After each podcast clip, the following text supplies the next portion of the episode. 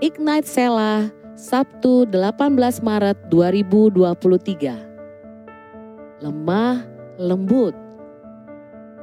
Ayat firman Tuhan hari ini diambil dari Mazmur 37 ayat 11. Tetapi orang-orang yang rendah hati akan mewarisi negeri dan bergembira karena kesejahteraan yang berlimpah-limpah.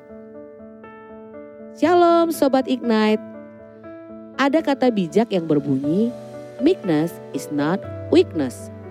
It is strength under control. Kelemah lembutan bukanlah sebuah kelemahan, melainkan kekuatan yang terkendali.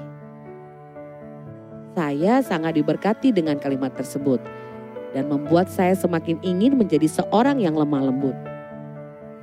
Orang yang lemah lembut bukanlah berarti orang yang selalu mengalah atau kalah. Ia bukan juga dijuluki sebagai yes man.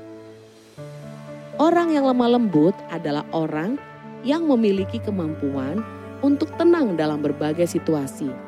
Namun, ia tetap bertindak mencari jawaban atas setiap persoalan hidup. Akhir-akhir ini, kita sering melihat atau mendengar berita tentang arogansi individu atau kelompok di tengah-tengah masyarakat. Banyak dari mereka adalah anak-anak muda. Seringkali masalah kecil bisa menjadi besar karena mereka tidak memiliki kemampuan untuk tenang. Mereka menuruti keinginan jangka pendek mereka, sehingga penyesalan datang kemudian. Bagi kita, anak-anak mudanya Tuhan, kelemah lembutan sudah menjadi sikap default kita dalam menjalani hidup. Di tengah situasi sulit pun, kita diajarkan Tuhan untuk tetap tenang agar kita dapat berdoa.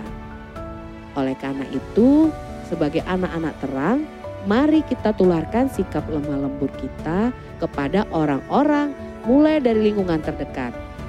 Dengan begitu, maka kita ikut mengambil bagian menjadi pembawa terang. Dia adalah Tuhan yang lemah lembut dan rendah hati, yang oleh karenanya jiwa kita mendapat ketenangan. Selamat beraktivitas Sobat Ignite, Tuhan Yesus memberkatimu.